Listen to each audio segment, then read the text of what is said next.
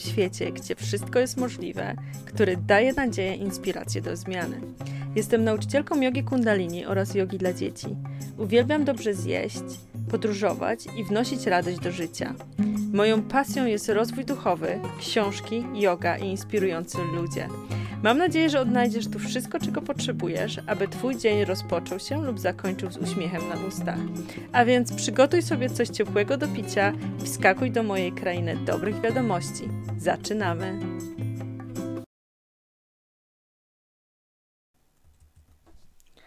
Dzisiejszym gościem jest Kasia Klimczewska, nauczycielka jogi nidry, jogi in i medytacji. Uczy regularnie od 6 lat, prowadząc zajęcia grupowe, prywatne i szkoląc przyszłych nauczycieli. Jej pragnieniem jest pomoc w odnalezieniu połączenia z ciałem i duszą. Uwielbia karmić ruchem, oddechem i pysznym jedzeniem. Inspiruje, aby nigdzie się nie śpieszyć. A więc serdecznie zapraszam. Cześć Kasiu, bardzo Ci dziękuję za e, przyjęcie zaproszenia do mojego podcastu. Niezmiernie się cieszę, że tutaj jesteś. Cześć Ilona, też dziękuję Ci za zaproszenie. Hmm. E, przyznam szczerze, że bardzo ekscytuję się tą rozmową, ponieważ e, po pierwsze poznałyśmy się w grupie Dharma, Kundalini i Dharma u Ani Muchnickiej i wiem, że razem przez praktycznie rok już tak e, jesteśmy w takiej wspólnej podróży właśnie, żeby odkrywać kobiecość i też e, siebie. I dlatego też właśnie bardzo chciałam z Tobą porozmawiać, ponieważ e, mam kilka takich pytań do Ciebie. I jedno z nich to właśnie chciałabym dowiedzieć się, jak yoga zmieniła Twoje życie i jak to się stało, że właśnie jesteś w tym miejscu, w którym jesteś, tak? Czyli jesteś nauczycielką jogi nidry, jogi in, i e, prowadzisz różne warsztaty, więc e, najchętniej usłyszę Twoją odpowiedź. Mogę Ci odpowiedzieć, Ilona, na pytanie, jak zmieniło jego moje życie jednym słowem, totalnie. I pozostawić resztę wyobrażeniu. Ale mm, właściwie zastanawiam się, bo to był duet, który zmienił totalnie moje życie, który się pojawił na przestrzeni roku w moim życiu. Gdzieś to były 2014-15 rok. I to była tradycyjna medycyna chińska i zaraz potem yoga. Mhm. E, bo yoga była, nie była wśród moich zainteresowań, mimo że jakby jakiekolwiek formy ruchu, pracy z ciałem były, bo jestem po studiach na AWF-ie, gdzie było tego mega cały przegląd, no ale na warszawskim AWF-ie w czasach, kiedy studiowałam, nie było nic o jodze. Mhm. Ale no jakby dużo osób w moim towarzystwie siłą rzeczy potem było wokół tego ruchu, ale jakby gdzieś byłam w takim bardzo dynamicznym pędzie i na siłowni, i na salach fitnessu, i, i też zawodowo w życiu. E, więc ta yoga, jakaś tam koleżanka może coś mi wspomniała, nawet moja przyjaciółka taka wieloletnia mówiła o jodze, a ja tak w ogóle, w ogóle tego nie pamiętam, wypierałam to wręcz. Mhm. I chyba chyba do momentu, kiedy mm, taka moja fajna koleżanka ze studiów, e, która poszła w pilates, w jogę właśnie, poprosiła mnie, ja się też zajmowałam przez jakiś czas fotografią, którą kocham cały czas, mhm. E, prosiła mnie o zrobienie zdjęcia jej studia jogi, które właśnie otworzyła. Mm, I e, zaproponowała, mi barter poprowadzenie zajęć, więc ja byłam pierwszą uczestniczką tych zajęć, w sensie pierwszą osobą w tym studio. Mhm. E, I miałyśmy takich kilka spotkań jeden na jeden, bo, bo naprawdę byłam jedyna na początku. E, I wiesz, było takie coś było, że ona się nazywała Maria, nazywa nadal Marysia. Zrobiła mi różne zajęcia, tam jakieś nawet robiłyśmy stanie na rękach, e, taką hatę yoga robiła i poprowadziła shavasana. Pierwszą w moim życiu taką świadomą, może gdzieś ktoś mi kiedyś prowadził, bo chyba poszłam kiedyś gdzieś na jakąś asztangę, ale nie pamiętam tego nawet. I pamiętam, że ja wyszłam od niej, szłam spacerem przez pole Mokotowskie w Warszawie, bo to na Ochocie ona ma w Warszawie to studio cały czas, e, super jej się wiedzie, mam wrażenie. Mm, I ja napisałam do niej, Marysia, ja jestem na jakimś totalnym haju, ale mm, to nie był taki haj, że odleciałam w kosmos, tylko po prostu tak mi jest dobrze i ja chcę, żeby to trwało, nie? I ona mi mhm. powiedziała, że to może trwać, że to może być taki stan. I myślę, że to był taki moment, który bardzo dużo zmienił. Mm, I ta yoga, uf, żebym ja ci to skleiła w jakąś całość. To przyszło jakiś pewnie rok po tym, jak je znałam, poznałam medycynę chińską, która też mnie sprowadziła bardziej na dbanie o siebie, o ciało i, i zobaczyłam, jak bardzo zmienia moje zdrowie i jak ja się dużo lepiej czuję niż się czułam. Więc przypuszczam, że te dwie rzeczy, przeplatając się tak, zaczęły wpływać na mnie w taki sposób, że ja coraz intensywniej zaczęłam myśleć o zmianie mojej pracy, a byłam wtedy producentką sesji fotograficznych.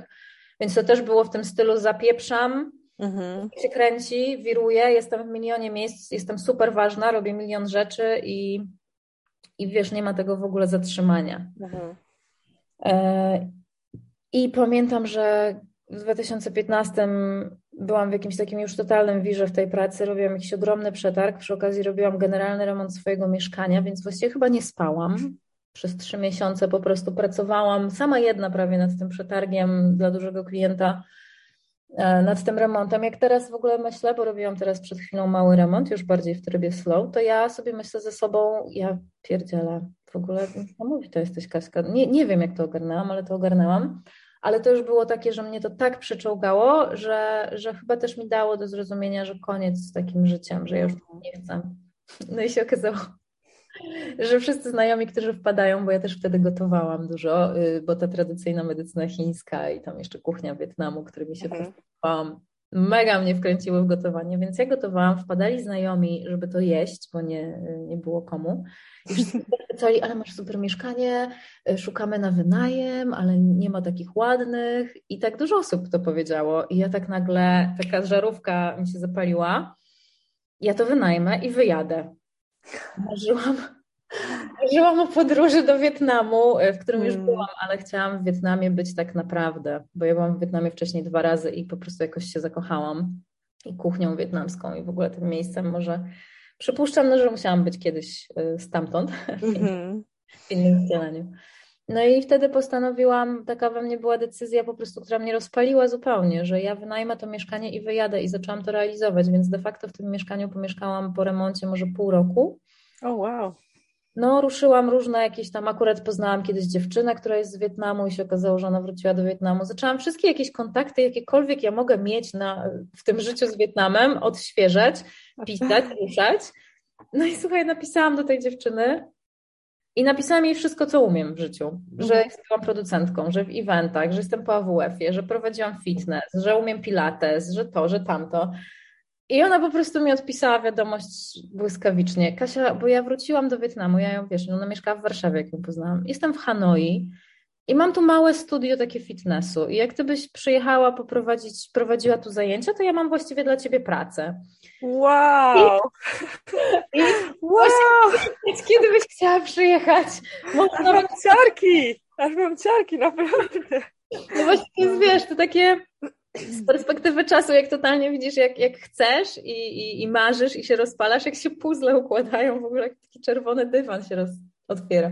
Mhm. E, I że nawet jakbyś chciała, to się możesz zatrzymać u mnie w mieszkaniu, wiesz, i, i no, no jakby to mi dużo zdjęło jakiegoś napięcia, że mam jakiś taki przyczółek, jak tam polecę. No i y, oznajmiłam w mojej pracy, że ja właściwie już jestem na wylocie. Ja chyba wzię, ja wzięłam wtedy urlop bezpłatny. O, na pół roku się umówiłam chyba na urlop bezpłatny. Mhm. Albo nie. To było wcześniej, to było w podróży, co też na, wyjechałam na trzy miesiące, a wróciłam po dziewięciu. Ale chyba ja zdecydowałam wtedy, że zostawiam już moją pracę. Tak, totalnie pozamykałam tematy wszystkie. Na jesieni e, zakończyłam i w trzy miesiące przypomniałam sobie wszystko u moich koleżanek, zresztą z AWF-u, co ja tam umiałam z fitnessu, bo ja kiedyś prowadziłam właśnie fitness, zrobiłam właśnie kurs pilatesu, e, ćwiczyłam się bardziej, żeby to prowadzić w angielskim. I na początku 2016 wsiadłam w samolot i poleciałam i byłam zajarana totalnie, byłam totalnie zajarana tym.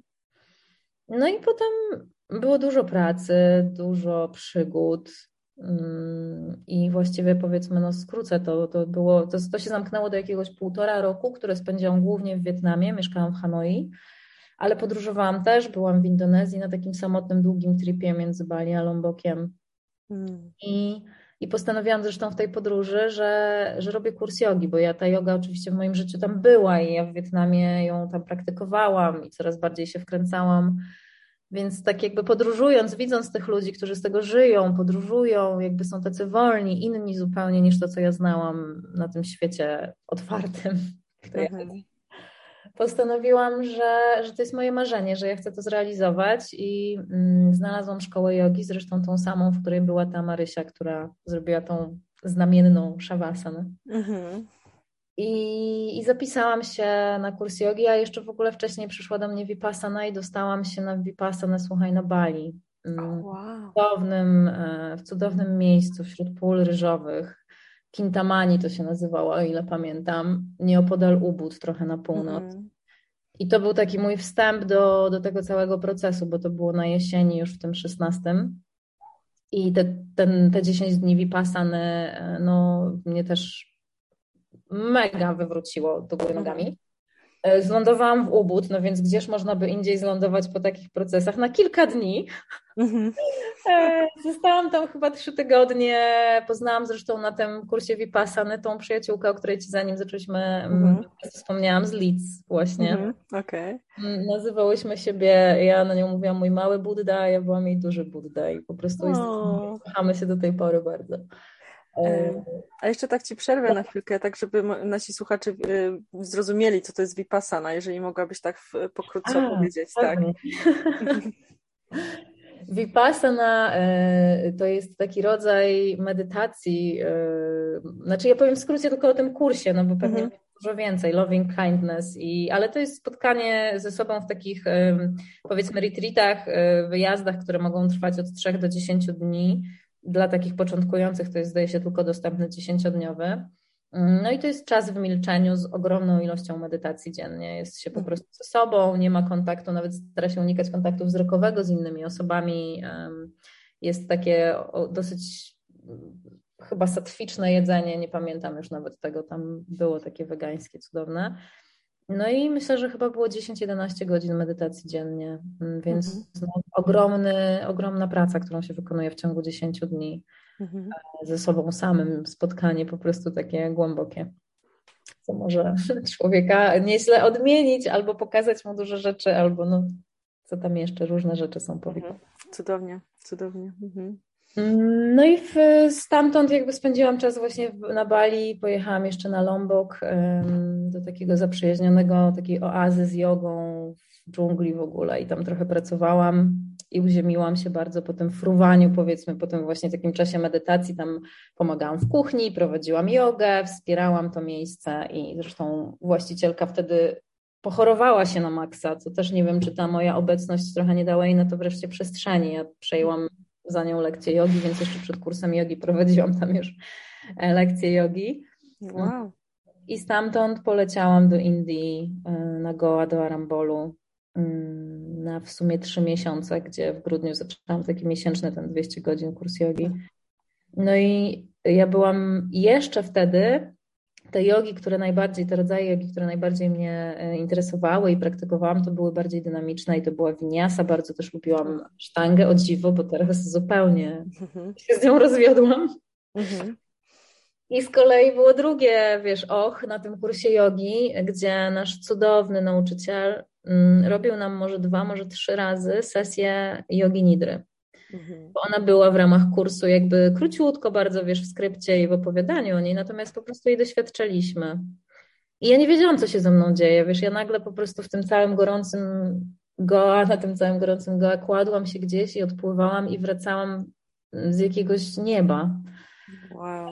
Więc pamiętam, że jeszcze nawet, wiesz, na zaliczenie kursu robiłam mm, winiasę i prowadziłam szawasanę i myśmy potem rozmawiali, no była szóstka na tym kursie, więc też się zgraliśmy fajnie. Rozmawialiśmy szczerze o tych naszych zaliczeniowych prowadzeniach i mi wszyscy powiedzieli, że ja tą winiasę bardzo poprawnie poprowadziłam, ale trochę jak robot, ale że szawasana, którą poprowadziłam, to było w ogóle wow, że tam czuli, że to jestem ja i że, i że było im cudownie. I ja zresztą po tym kursie już poczułam, że ja w ogóle tylko myślę o tym, co to była ta yoga nidra, ja chcę tego więcej, mm. bo to jest, tego nigdzie nie ma, ratunku. I wyjechałam tam, e, tam jak się, jak się jest w tych miasteczkach na, na Goa, one są takie, ściąga, ściąga tam taka z całego świata społeczność, nie? taka rozwojowa, więc tam w każdym barze, w każdym miejscu masz jakieś takie uloteczki z informacjami, jest nawet grupa oczywiście na Facebooku, więc jakieś newsy są, no i ja szukałam, szukałam i znalazłam kobietę, która robi kilkudniowy kurs jogi nidry. Mhm. E, pamiętam, że jeszcze wtedy się zastanawiałam w ogóle nad pracą z oddechem, już nawet byłam umówiona z jedną nauczycielką, e, żeby robić kurs breathworku, mhm. bo takie klimaty mnie, tego holotrophic breathing interesowały, mhm. birthing. I pamiętam, że spotkałam się z tą nauczycielką oddechu, zrobiłyśmy sobie jakąś taką pierwszą sesję, a potem poszłam spotkać się z tą Mirą, która prowadziła kurs jogi nidry. I, I to właśnie było tak, że wiesz, weszłam, zobaczyłam Mirę i wiedziałam, że już w ogóle ten oddech to tam kiedyś albo później zostaje. No i, i, i, tam jakby troszkę mi się udało pogłębić tą wiedzę z jogi nidry, co, co wtedy mi się zdawało no nigdzie indziej niedostępne i miałam okazję praktykować i super mi się też spodobała jej energia, jej łagodność i taka totalna normalność. W ogóle się nie... Ona, ona jest hinduską, ale też taką, która mieszka pół roku w Indiach, pół roku w Niemczech, więc tak fajnie, wiesz, taki, mhm. takie fajne porozumienie, bo jest z tej Europy, znamy tak. też te same rzeczy. Ale w ogóle nie pozycjonowała siebie na jakiegoś guru w żadnym wypadku, po prostu normalna, taka regular girl trochę mm. starsza ode mnie, nie? Bardzo, down, taka bardzo przy ziemi. E, przy, przy, przyziemna. Mhm.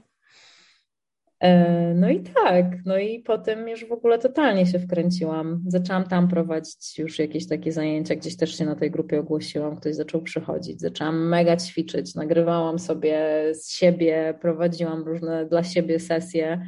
Mm, no i to też był taki czas, mega zajawki, mega no myślę, że najszczęśliwszy czas mojego życia, takiego, no jak świadomie popatrzę, to takie lata. Podobno w ogóle, słuchaj, to ja miałam wtedy co, 35, 36, to było 5-6 lat mhm. temu. I ktoś mhm. robił badania, że najszczęśliwsi jesteśmy w tym okresie mniej więcej, jak ludzie tak starsi sięgają wstecz, więc mm jesteś w tym czasie gdzieś. tak, ja jestem, lata. dokładnie. I przyznaję, że właśnie taki najszczęśliwszy czas mój, powiem Ci, takie odkrycie właśnie mojej kobiecości, tego, mojej ścieżki życiowej, takiej w stu procentach wiem, co po prostu chcę robić i czuję taki spokój w sercu, nie? I podejrzewam, że Ty dokładnie to samo czułaś e, po kursie właśnie i jak już odkryłaś tą swoją ścieżkę. To jest takie, wow, wróciłam do domu. Tak, znaczy to było, wiesz, to duży właśnie taki spokój w środku. Było dużo spokoju, było dużo, wiesz, odkryć, było, no ja, ja wtedy byłam gotowa zamieszkać, wiesz, Rambo to jest pięć uliczek na krzyż i ja czułam, że mi nic tam do szczęścia nie potrzeba więcej. Byłam tam sama, oczywiście poznawałam jakichś ludzi, ale byłam też dużo bardzo, wiesz, w naturze i cały dzień się spędza tam na zewnątrz, oglądasz każdy zachód słońca. Ja też sobie znalazłam taki cudowny klif, na którym tam są troszeczkę później wschody, tam gdzieś po siódmej czy o siódmej i ja chodziłam codziennie rano tam medytować na wschodzie słońca, bo to było tak obłędne miejsce. Ja widziałam po prostu tą, z jednej strony miałam morze, plaże i całe to miasteczko Rambol, z drugiej strony mm, jakby za nim było, wiesz, były rość drzewa i tak dalej i nad tym wszystkim wschodziło słońce i była to taka mgła skór, wow. z wilgoci. Oh. Więc ja to codziennie oglądałam, medytowałam przy tym, a codziennie praktycznie, o ile nie prowadziłam zajęć, yy, oglądałam zachód słońca, które zachodziło z kolei nad Oceanem Indyjskim,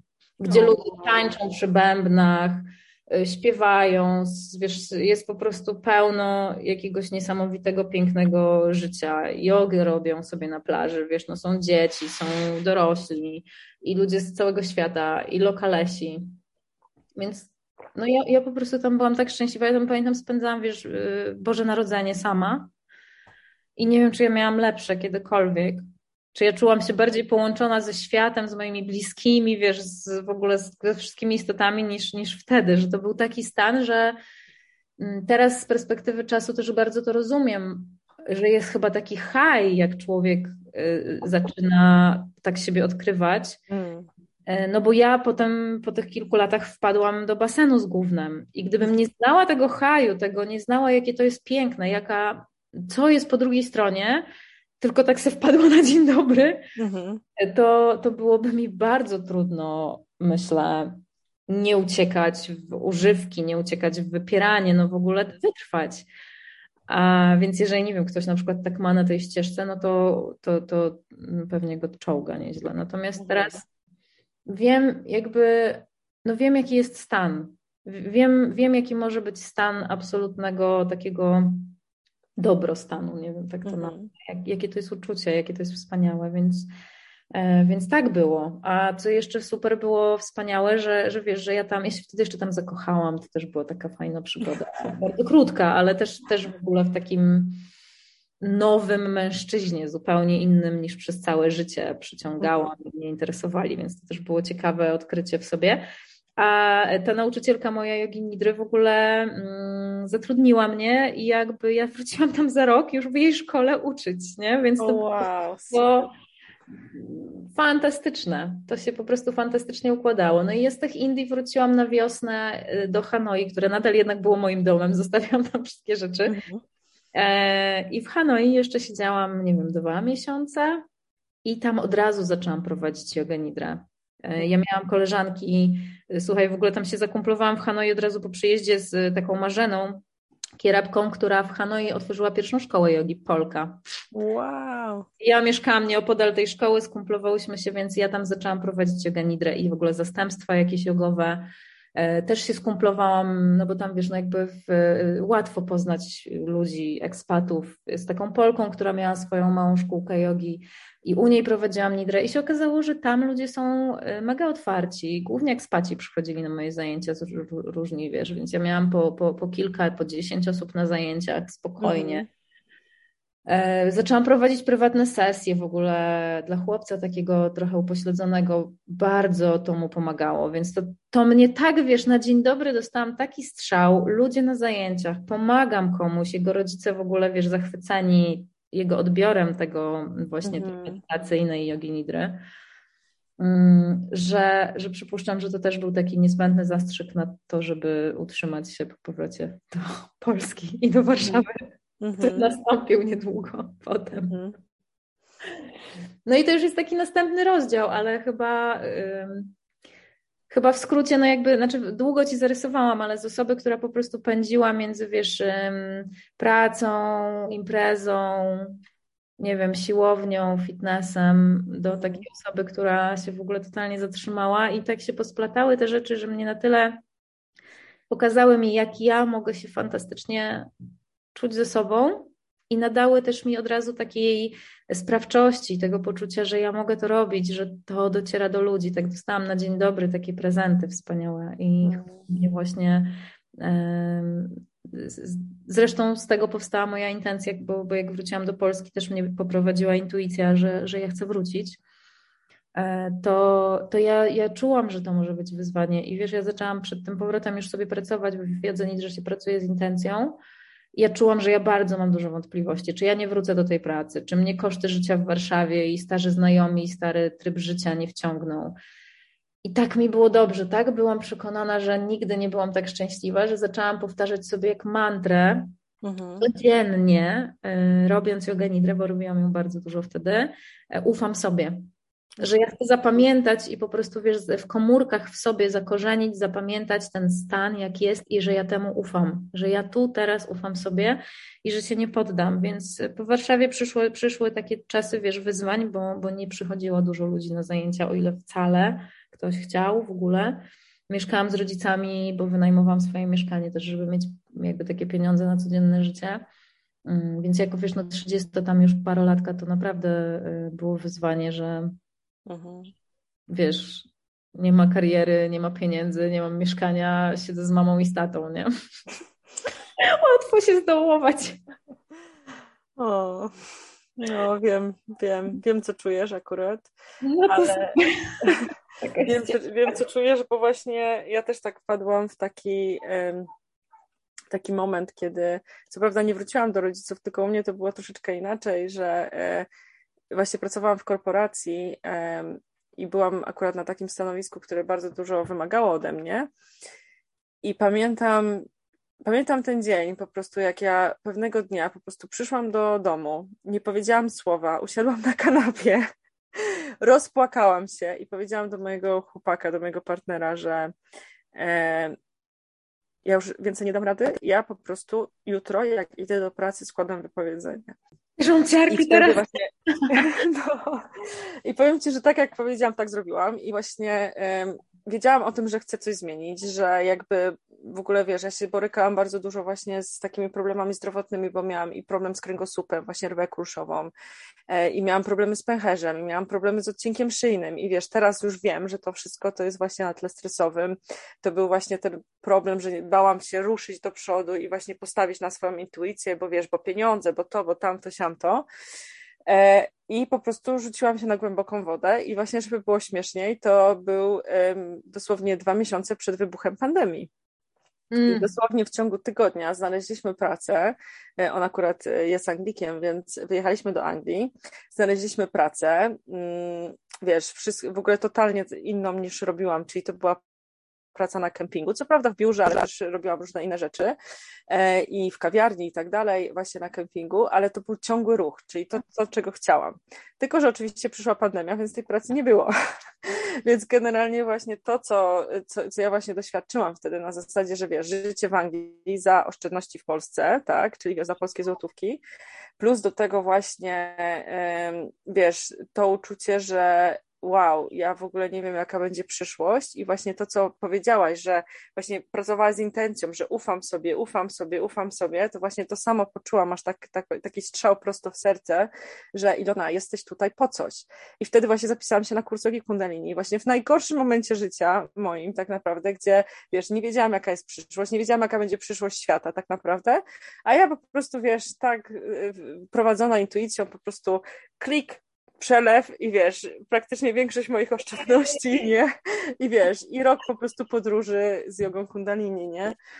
E, więc, e, więc właśnie wiesz co, e, wiem, wiem co czujesz, bo ja się na przykład właśnie borykałam przez te parę miesięcy właśnie z e, takim z takimi wątpliwościami, że wiesz, że co, wiesz, myślałam o przyszłości, myślałam o tym, że jejku, jak to w ogóle ma wyglądać, tak? Wiesz, to moje życie, co z pieniędzmi, ja nie zarabiam, nie wiadomo, czy ja w ogóle będę mieć tą pracę, nie wiadomo, czy w ogóle znajdę jakąkolwiek pracę, ale gdzieś głęboko właśnie w sobie ufałam. Ufałam, wiedziałam o tym, że to jest jakby, wiesz, y, część mojej jakby takiej przygody. I co prawda nie byłam w takich pięknych okolicznościach jak ty, że właśnie, wiesz, Bali, czy Lombok, czy właśnie Goa, ale dla mnie to właśnie były te góry, tutaj właśnie jeziora i w ogóle sam kontakt z naturą, wiesz. Że te okoliczności są piękne, gdzie ty jesteś. Wiesz, tak, one są, są cudowne, ale wiesz, no jakby nie patrzeć, to jest Anglia, więc wiesz, w Anglii Bardziej wilgotne i chłodne. Nie, wilgotne tak samo, bardziej chłodne, no, ale ten no. mech, ta wilgoć pachnąca. Tak. Jezu, prawdziwa trawa. I prawdziwa trawa, naprawdę. Powiem Ci, że takiej trawy jak tutaj w Anglii to w życiu nie spotkałam, nawet w Polsce. E, I wiesz, i, i właśnie to był ten taki moment mój przełomowy, gdzie po prostu ja czułam taką opiekę, tak jakby po prostu cały wszechświat przytulił mnie i powiedział Ilona, po prostu płyń z tym, nie? I, e, I to jest ciekawe, bo w takich właśnie największych y, momentach kryzysu właśnie jedyne, co mi pomagało, to właśnie medytacja, właśnie uziemianie się, e, właśnie yoga kundalini. Też właśnie odkryłam jogę nidrę też właśnie w tym czasie, yoga yin też, e, więc e, jest cudowna. E, no i, i właśnie takie, tak jak mówisz, praca z intencją jest bardzo potrzebna, nie? Więc, więc fajnie, fajnie, że o tym Mogę wspominasz. Mogę pytanie? Mhm, oczywiście. Ja chcę zapytać, jak przyszła Nidra? Czy ona jest jakoś w jodze kundalini się pojawia? Bo ja nie robiłam nigdy żadnych kursów kundalini. Czy ona zupełnie gdzieś skądś inąd się Wiesz co, jeżeli chodzi o mnie, e, to yoga nidra e, pojawiła się na jednym z kursów online, gdzie ja byłam na takiej platformie, gdzie tam były różne medytacje, różne kursy rozwojowe. Ona się nazywała One Commune. Nie wiem, czy ona jeszcze istnieje, ale podejrzewam, że istnieje, bo była naprawdę fajna. I tam był właśnie taki tydzień, takie wyzwanie z jogą nidrą. I właśnie przez tydzień taka jedna z e, dziewczyn właśnie z Ameryki, bo to amerykański jest, o ile się nie mylę, właśnie portal, to ona właśnie prowadziła te zajęcia i ja się zakochałam. A mhm. jeżeli chodzi właśnie o jogę e, kundalini, to wiesz co, bardzo ważna jest shavasana w jodze kundalini, bo, bo generalnie mm, dużo osób e, właśnie robi tylko medytację, robi na przykład jakąś praktykę i w ogóle całkowicie skraca szawasanę. I to jest błąd. I to jest właśnie, to jest coś, co ja na przykład bardzo często właśnie mówię moim moim studentom, tak, moim właśnie uczniom, że e, Shavasana właśnie jest po to, żebyśmy zaabsorbowali, za żebyśmy po prostu jakby dosłownie tak jakby to wszystko, żeby się zakodowało, co zrobiliśmy w naszych komórkach, żebyśmy właśnie to zintegrowali i wtedy możesz dopiero ruszyć do przodu, bo, bo generalnie ogólnie yoga kundalini zresztą też wiesz, ona bardzo mocno pracuje z energią, tak, czyli e, nawet jeżeli to jest niewinna praktyka, wiesz, taka, że wydaje ci się, a tutaj zrobiłam sobie jakieś śpiewanie, wiesz, mantry, tutaj sobie zrobiłam jakieś machanie rękami, tutaj sobie zrobiłam jakieś trzy pozycje i tak dalej, tutaj jakieś przysiady i tak dalej. Później zrobiłam jakąś tam medytację, to ona naprawdę pobudza energię. I, yy, I właśnie ta Shavasana to jest właśnie taki balans, który dostajesz, gdzie właśnie jesteś jakby, i to jest najtrudniejsza pozycja tak naprawdę. To jest naprawdę najtrudniejsza pozycja, bo my jako osoby dorosłe też mamy problem, żeby w ogóle, wiesz, leżeć, nie, tak? Nie, no, no. Zresztą wiesz na pewno, nie? Więc... Więc tak, więc jeżeli chodzi właśnie o jogę nidrę, tutaj właśnie w połączeniu z jogą kundalini, znaczy sama ta shavasana może, tak, to ona jest bardzo ważna. I właśnie tutaj bardzo często, e, przynajmniej ja tak robię, że właśnie w czasie relaksacji, czyli właśnie tej shavasany, tej pozycji leżącej, czy też pozycji trupa, może tak to nazwijmy, e, to e, właśnie bardzo często używam dźwięków też czyli na przykład misy tybetańskiej, albo właśnie puszczam jakąś delikatną mantrę e, właśnie studentom, albo skanowanie właśnie ciała też robię, e, bo to też bardzo fajnie integruje e, te wszystkie rzeczy. No, ale teraz jeszcze mam pytanie do ciebie, kochana. A więc powiedz mi w ogóle, jakie ma korzenie yoga nidra i w ogóle czym ona jest, tak żeby nasi słuchacze też mogli na czym ona polega? Po prostu na przykład powiedz, jak wygląda twoje, wyglądają Twoje zajęcia, e, bo tak rozmawiamy o niej, rozmawiamy, wiesz, tak omijamy temat, ale tak Tak, tak, tak. Wiesz co, yoga nidra, powiem tylko w skrócie, bo też e, nie ma chyba co więcej. E, yoga nidra jest czymś, co kiedyś w tradycji jogi, w starych pismach nie było praktyką. Ona się pojawiała jako stan jako stan taki właśnie pomiędzy jawą a snem. Taki stan y, głębokiego skontaktowania jakiegoś z, z czymś większym od nas. I ona się pojawiła w XX wieku bodajże, jakby spisane takie techniki, I tak naprawdę wywodzi się z jogi, ale czerpie też z jakichś takich praktyk, właśnie jak skanowanie ciała, które jest techniką Jakobsona bodajże. Więc jakby z tej, z tej psychologii takiej, czy mhm. która się rozwijała w, w tym czasie. E, I to jest spisany w pewien, e, powiedzmy, schemat, zestaw do głębokiego relaksu, tak bym powiedziała, mhm. który można potraktować jak przedłużoną szawasanę, jeżeli ktoś po prostu tego nie zna zupełnie. To, jest, to są zajęcia, gdzie przychodzisz i się kładziesz. Ja, ja uwielbiam to, jak, jak prowadzę teraz mniej, prowadzę zajęć na żywo, ale jeśli prowadziłam regularnie, czy mam warsztaty, gdzie ona jest, to mm. na salę, a wszyscy już pod kocykami leżą. nie ma, już pozamiatane nie ma w ogóle co czasu. O, cudownie. To są takie zajęcia i myślę sobie właśnie nawet teraz jak rozmawiamy, to sobie pomyślałam, że genialnym by było po prostu tytułem takich zajęć przyjść sobie poleżeć. Bo tak nie zrobię. Jestem teraz jesienią w Warszawie i mam ochotę właśnie no. Ale to jest praktyka właśnie, która dla wielu osób jest zaskoczeniem, ale zwykle bardzo pozytywnym. E, kiedyś raz się pojawiła dziewczyna, która myślała, że się zapisała na online na jakieś zajęcia, chciała się poruszać przed pracą, wieczorem musiała pracować. I mówię, to poleżysz.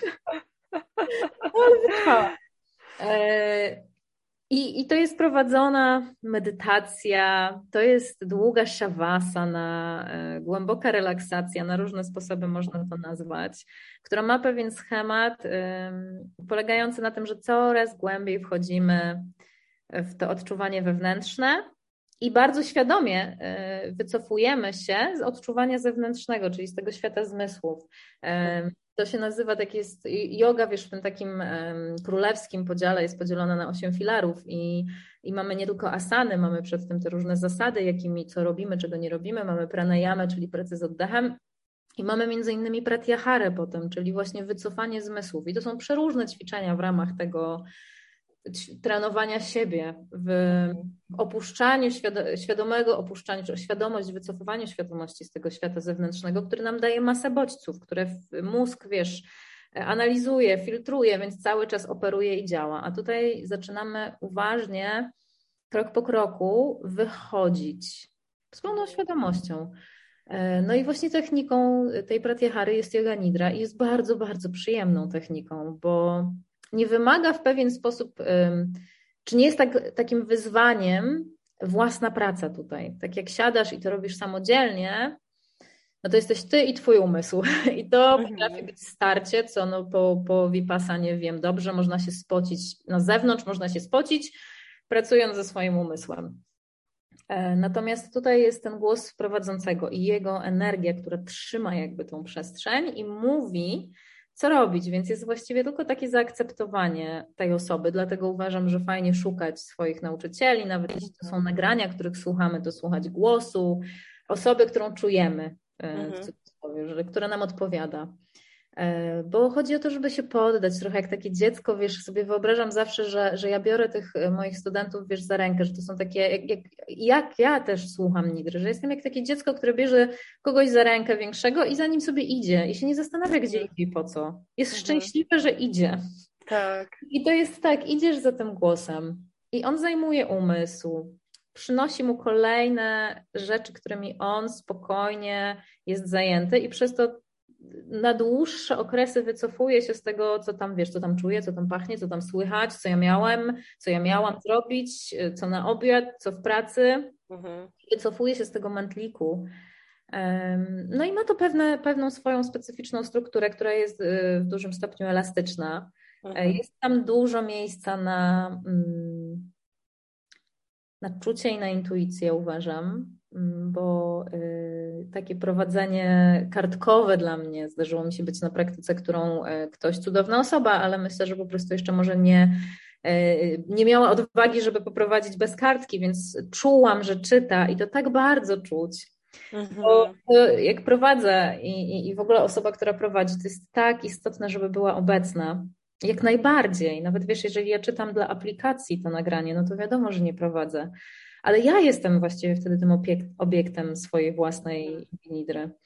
E, więc mi się zdarza, wiesz, wejść w trochę w ten stan jogi nidry, kiedy ja prowadzę nawet. Staram się być jak najbardziej obecna, czyli no, y, trudno by mi było zerkać na kartkę i czytać, bo też by to mnie wytrącało z tej energii, która jest w ogóle. Nawet mhm. prowadzę przez Zoom, to jest jakaś energia.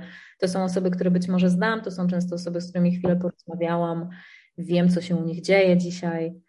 I już jakby staram się czuć i poprowadzić to, co na ten moment, bo może jest pełnia, może jest nów, może jesteśmy w jakiejś porze roku, mhm. albo coś takiego się dzieje w przestrzeni, że, że wiesz, że, że gdzieś to tak prowadzę pod tym kątem.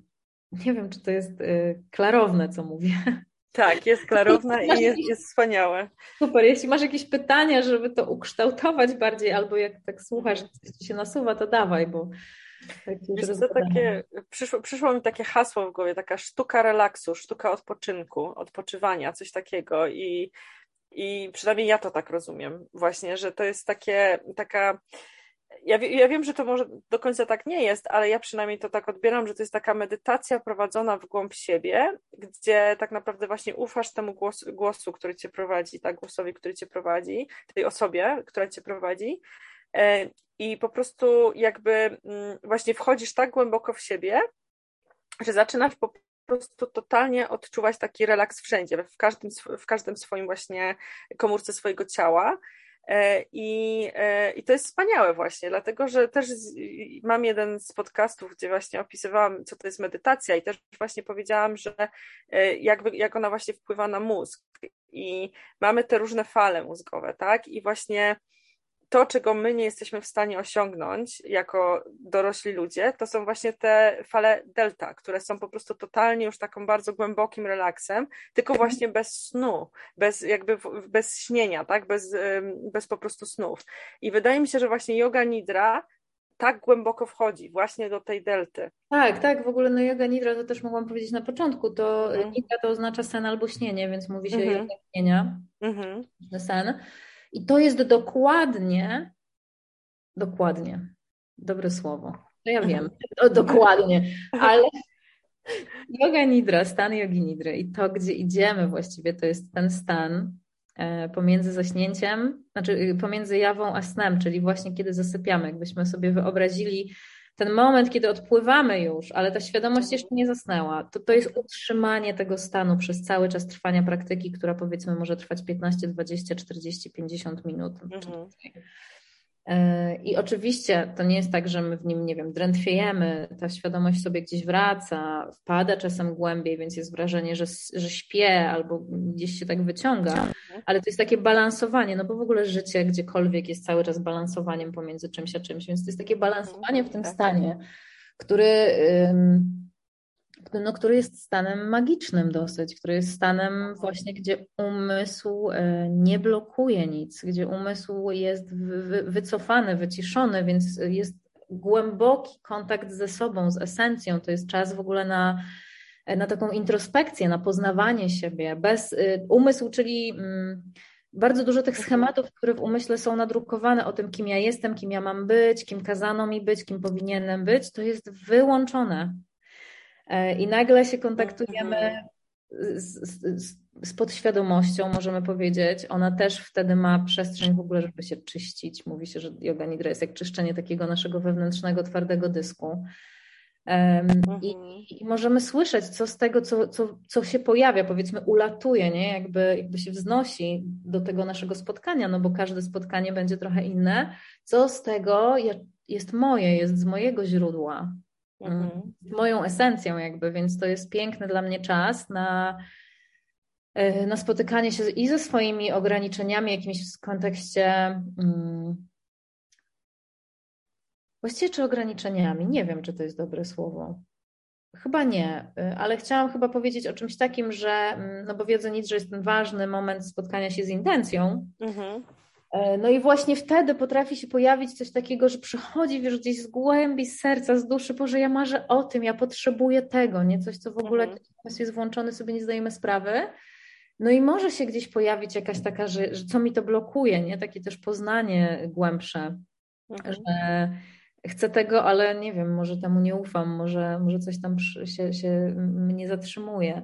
Chociaż może to już na, na, na w takiej bardziej nawet świadomej pracy takie rzeczy się dzieją. Trochę już wiesz, ja, ja i tak i tak sobie pracuję, więc, e, więc mhm. tak rozpływam się. Ale ten kontakt z esencją, z tym swoim źródłem, kiedy po prostu nic nas, nic nie pobudza umysłu. Ekstra. Mhm.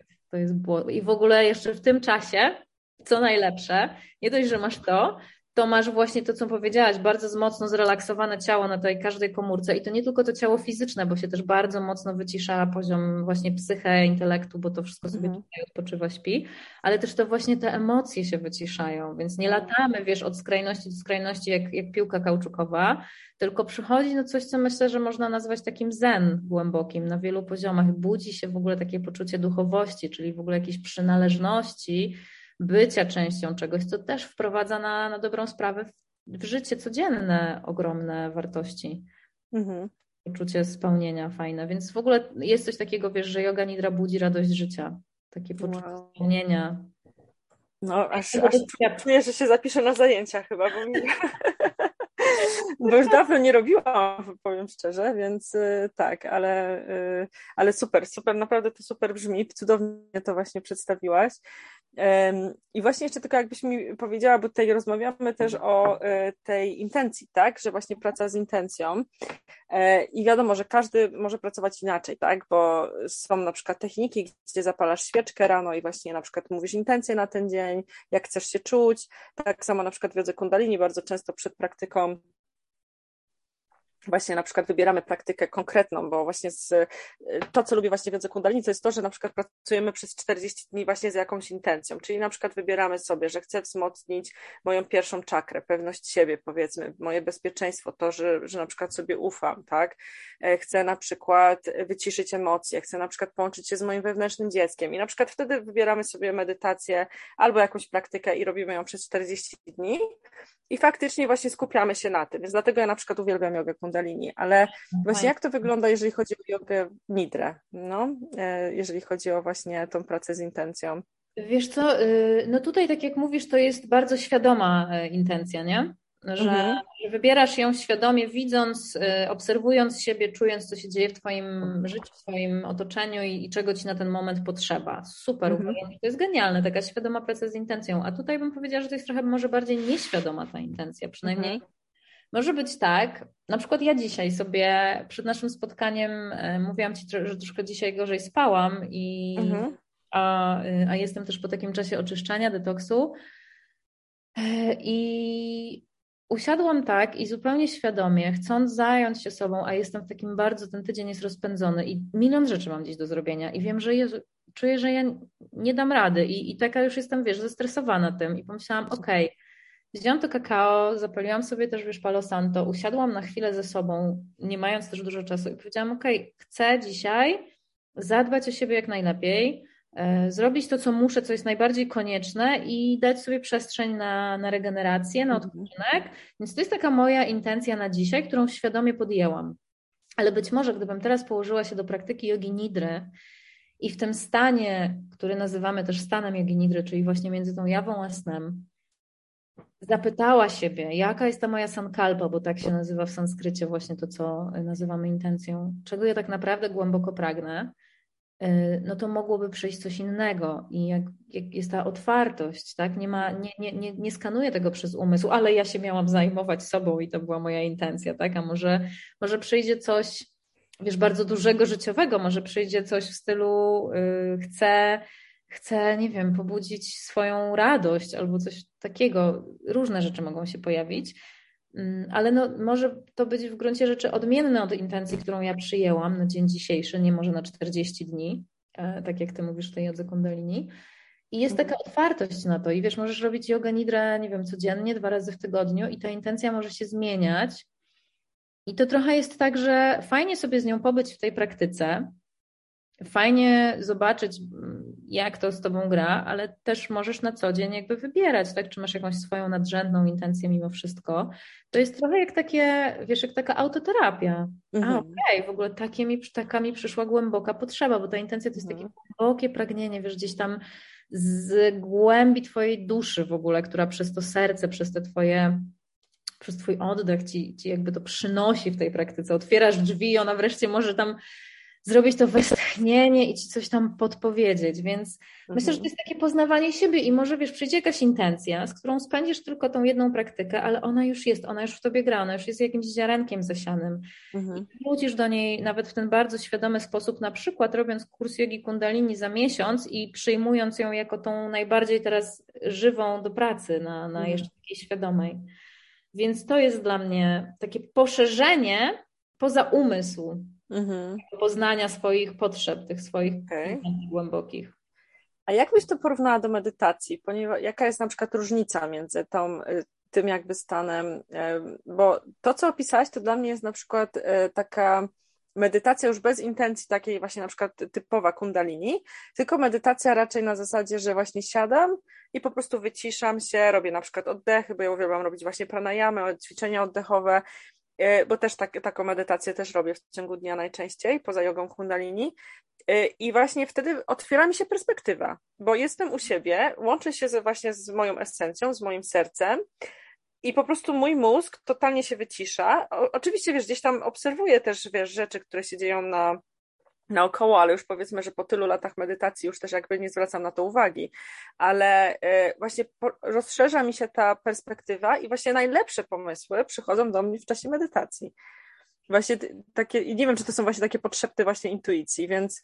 Myślę, że tak, myślę, że na pewno wtedy jesteś w kontakcie z intuicją, ale wiesz, to co powiedziałaś ty o swojej medytacji, to jest coś, co wiesz, dla wielu osób jest bardzo trudno dostępne. Mhm. E, usiada, mój umysł się wycisza, kontaktuje się z tym, czego potrzebuje, z tymi swoimi, no jakby mhm. boską. Można pozazdrościć. Więc myślę, że dla wielu osób można y, postawić tu jakiś pewien znak równości, tylko o, jest masa z nas, którzy nie usiądą do medytacji, nie osiągną tego efektu, mhm. który na przykład tobie się udaje. Mi się mhm. też to czasem udaje, wiesz, w ciągu po prostu siadam, wyciszam się, biorę kilka oddechów, ale ja już ileś lat trenuję te podróże do siebie. No tak, tak. Tam wiem, jak to czuję w ciele. Wiem, wiesz, jakby ja wiem to już. Mhm. Ja wiem, nie wiem, co zrobić na poziomie umysłowym, ale jakby na poziomie czucia ciała wiem, oddechu, wiem, co zrobić, żeby spróbować tam zanurkować w przyspieszonym tempie. Mhm. Myślę, że tutaj można postawić taką, y, takie rozgraniczenie, że yoga nidra umożliwia to właściwie na pierwszym spotkaniu człowiekowi, który nawet jej nigdy nie robił. Myślę, okay. że w ogromnej większości przypadków tak będzie.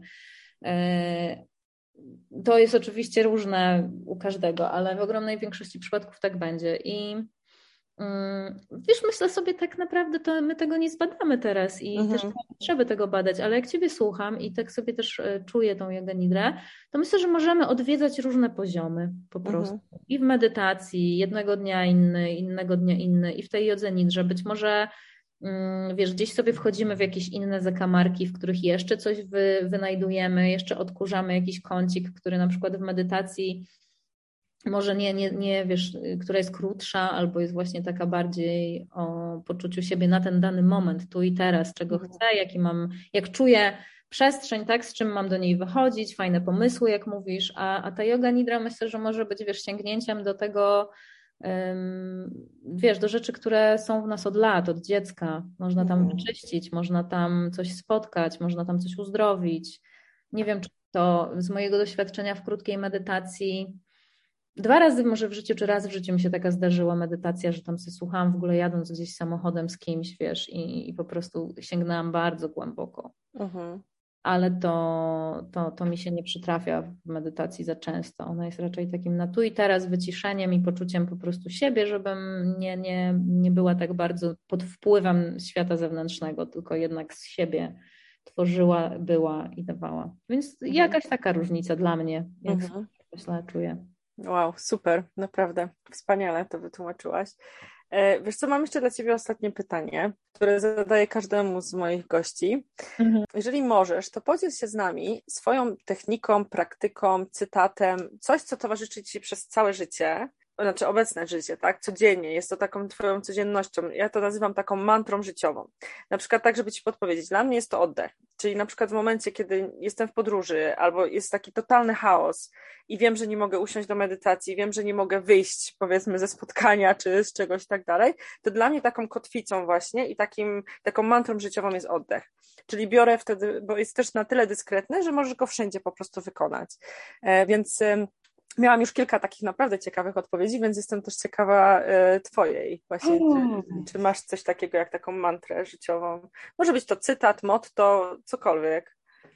Wiesz co, y, myślę, że to, to jest to, co ja już powiedziałam, chyba najbardziej. Ja jestem bardzo podatna na wpływy mhm. i rzeczywiście gdzieś tam y, bardzo siebie odbieram przez innych ludzi, przez ich oczy, bardzo. Mhm. Więc chyba ufam sobie to, co się pojawiło te, te 6 lat temu z jego nidrą, to jest coś, co najczęściej i najbardziej w różnych formach najbardziej pomaga mi zauf zaufać. zaufać. Mhm. Właśnie. Mhm. Pomaga mi, wiesz, nie, nie dać się zwariować jakoś temu chaosowi mhm. temu, co, co mnie rozprasza i co mnie y, tak naprawdę w pierwszym ruchu w ogóle bardzo ekscytuje, wciąga i jara. Ludzie, emocje, energie, wydarzenia, świat zewnętrzny, wiesz, i mhm. błyskawicznie się spalam, błyskawicznie, więc jakby mm, potrzebuję znaleźć ten kontakt właśnie, co jest moje, co jest moje, co jest moje i ja sobie to na różny sposób mówię, wiesz, albo ufam sobie.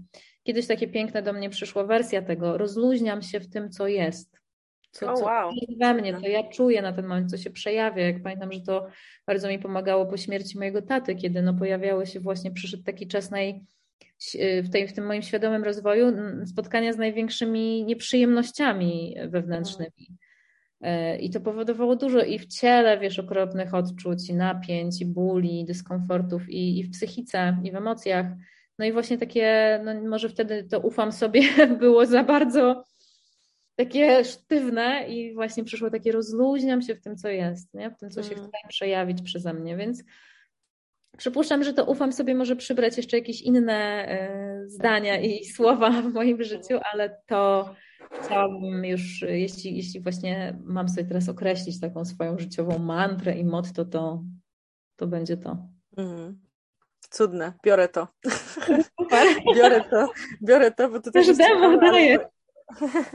To jest ciekawe, bo właśnie wiesz co, też e, bardzo często jak e, dużo osób mnie pyta, bo wiesz, ja też pracuję z dziećmi i e, dużo osób uważa, że praca z dziećmi jest wymagająca i tak dalej. Ja na przykład kocham pracę z dziećmi ze względu na to, że właśnie wrzucam na luz, rozluźniam się. Ja, dla mnie to jest po prostu, wiesz, tak jak właśnie mówisz, że nie lubisz chaosu i tak dalej, y, takiego, takich bodźców i, i, ten, to dla mnie na przykład praca z dziećmi, właśnie y, ona jest dosyć wymagająca, ja nie mówię, że nie, bo musisz być elastyczny, musisz być właśnie kreatywny, wiesz, za każdym razem nie, nie było sytuacji nawet już na moich zajęciach, że zaplanowałam zajęcia, że zrobię A, B, C, a zrobiłam D, E, F, tak, czyli musisz mieć zawsze backup plan, wiesz, jakiś tam plan zastępczy, ale właśnie to, co to, co właśnie też zauważyłam, to jest to wrzucenie na luz, właśnie takie rozluźnienie się i zaakceptowanie, taka pełna akceptacja tego i, i to właśnie dzieci uczą. I to jest właśnie ciekawe, że to też powiedziałaś, bo bardzo ze mną to rezonuje. No. Super, super. Ja nie mam takiego doświadczenia e, z dzieciakami, ale myślę sobie, jak Ciebie słucham, że wspaniałe. Mm. No. Zresztą często o tym myślę, że kiedyś też dowiedzie do tej pracy mhm. że tam można naprawdę tą elastyczność i, i, i, kontakt z tym, co jest, tym przepływem, nie ćwiczyć na maksa w takiej mhm. atmosferze no, kochanej. No, dokładnie. kochanej. Dokładnie. Super. Kasiu, to jeszcze teraz ostatnie pytanie do Ciebie, już takie naprawdę ostatnie. Jeżeli, e, jeżeli nasi słuchacze są zainteresowani właśnie jogą nidrą i chcieliby się z Tobą skontaktować, to w jakiej formie najlepiej? Jeżeli możesz podać, czy to jest Instagram, Facebook, czy mail? Czy... Ja jestem aktywna i na Instagramie, i na Facebooku, więc można mnie tam znaleźć e, wpisując Kasia Klimczewska w sumie mhm. to powinno zadziałać. Jestem też i, ta, i tam odpowiadam, jak ktoś do mnie pisze. Mhm. E, bardzo lubię maile, bo są taką najmniej zanieczyszczoną tym innym przekazem, formą, tak mi jest łatwiej się skupić, więc mam maila.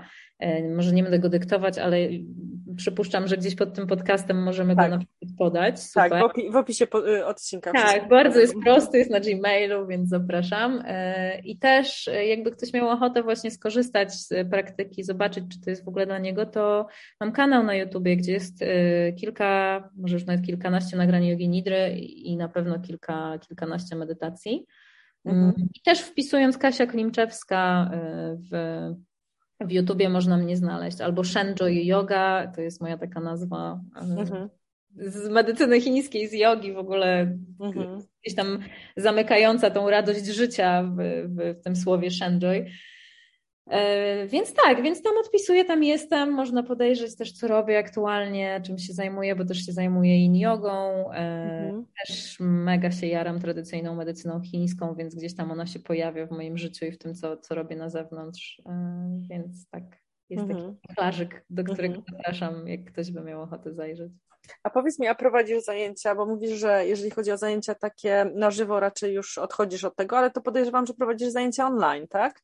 E, tak, tak. Też odchodzę na żywo, wiesz, dlatego że teraz mam taki czas e, podróży i, i mieszkania między Polską a Hiszpanią, więc po prostu mhm. jest mi trudniej to skoordynować. Nie do końca zawsze wiem, gdzie będę, mm, a w Warszawie jednak z dojazdami jest, jest wyzwanie duże. Więc prowadzę online zajęcia. Raczej teraz w formie takich, e, nie wiem, czy jest coś takiego jak online'owy pop-up, ale robię takie cykliczne, jakieś tematyczne spotkania, gdzie pracujemy na przykład z jogą i jogą nidrą w jakimś celu i sobie mhm. na przykład dwa tygodnie robimy ilość praktyk. Planuję też zrobić na jesień e, takie online spotkania na dobry sen, po prostu yoga nidra na dobry sen, gdzie Super. będziemy i z oddechem, i z nidrą pracować nad tym, żebyśmy tej jesieni ten system nerwowy wyciszali i po prostu się zregenerowali jak najbardziej się da, e, bo z zewnątrz nie płyną rzeczy, które chyba poprawiają jakość snu, więc ja ich trochę tam chcę wtrąbić w ten świat. E, więc, więc to się pewnie pojawi. Mam, chciałabym, żeby to było takie październikowo-listopadowe, bardziej takie jesienne, mhm. wieczorne spotkania. Także, ale to jest online i to na pewno się pojawi na Facebooku, na Instagramie moim. Dobra, no to super. To dziękuję Ci bardzo za rozmowę. Dziękuję bardzo. E, niesamowita inspiracja. Dużo ciarek przeszło przez moje, y, moje ciało, więc naprawdę czu, czułam tą rozmowę. Dziękuję Ci bardzo. Ja ci dziękuję Ilona, bo też y, taki powrót, wiesz, do tego, do tej historii, opowiadanie tak mi przypomina um, po co tu jestem, co ja robię i jakie to jest zajebiste. I jak to lubię i jak w ogóle sama, sama się tym jaram i cieszę, więc myślę, że skoro tak jest, to już jestem w dobrym miejscu. Hmm, super, super wspaniale. Dziękuję bardzo. Trzymaj się, buziaki. Dziękuję bardzo za wysłuchanie podcastu Golden Hour. Polub, udostępnij innym, abyśmy mogli szerzyć dobre wiadomości. Jeżeli chcesz poznać tajniki jogi kundalini, to zapraszam na moje zajęcia online. Możesz znaleźć mnie na Instagramie, na YouTubie, na Facebooku. Dziękuję bardzo. Z miłością i światłem. Satnam Ilo.